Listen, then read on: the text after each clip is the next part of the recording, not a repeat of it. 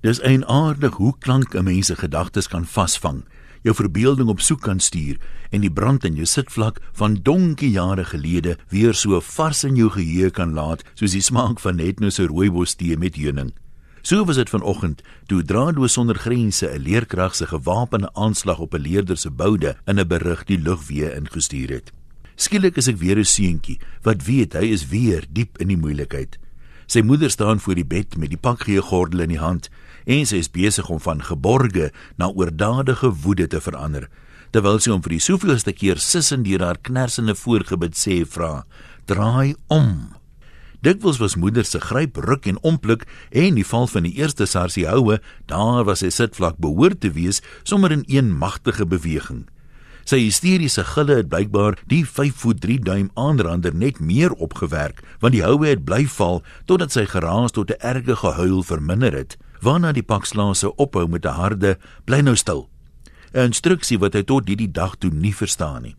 Ek sou my huil klaar huil en dan wanneer moeder die kamerdeur kom oopmaak, sou ons tranerig en snotterig mekaar vertroos en sou ek beloof om nie weer dit aan te vang wat hierdie keer my boude laat brand en haar hartseer gemaak het nie. Ek kan nie eintlik altyd onthou hoekom ek pak gekry het nie, maar ek onthou die vrede wat dit gebring het nadat almal se neuse droog was en die rooi oë vergete was.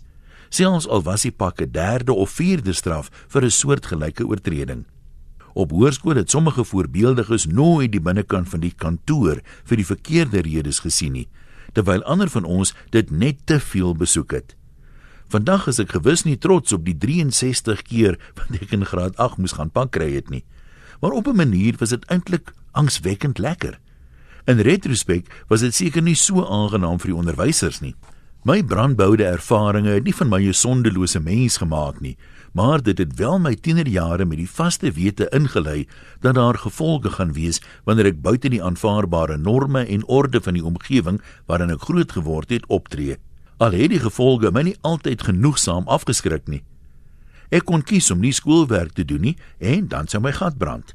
Ek kon kies om liggaamsoefeninge te bank, maar dan sou my gat ook brand.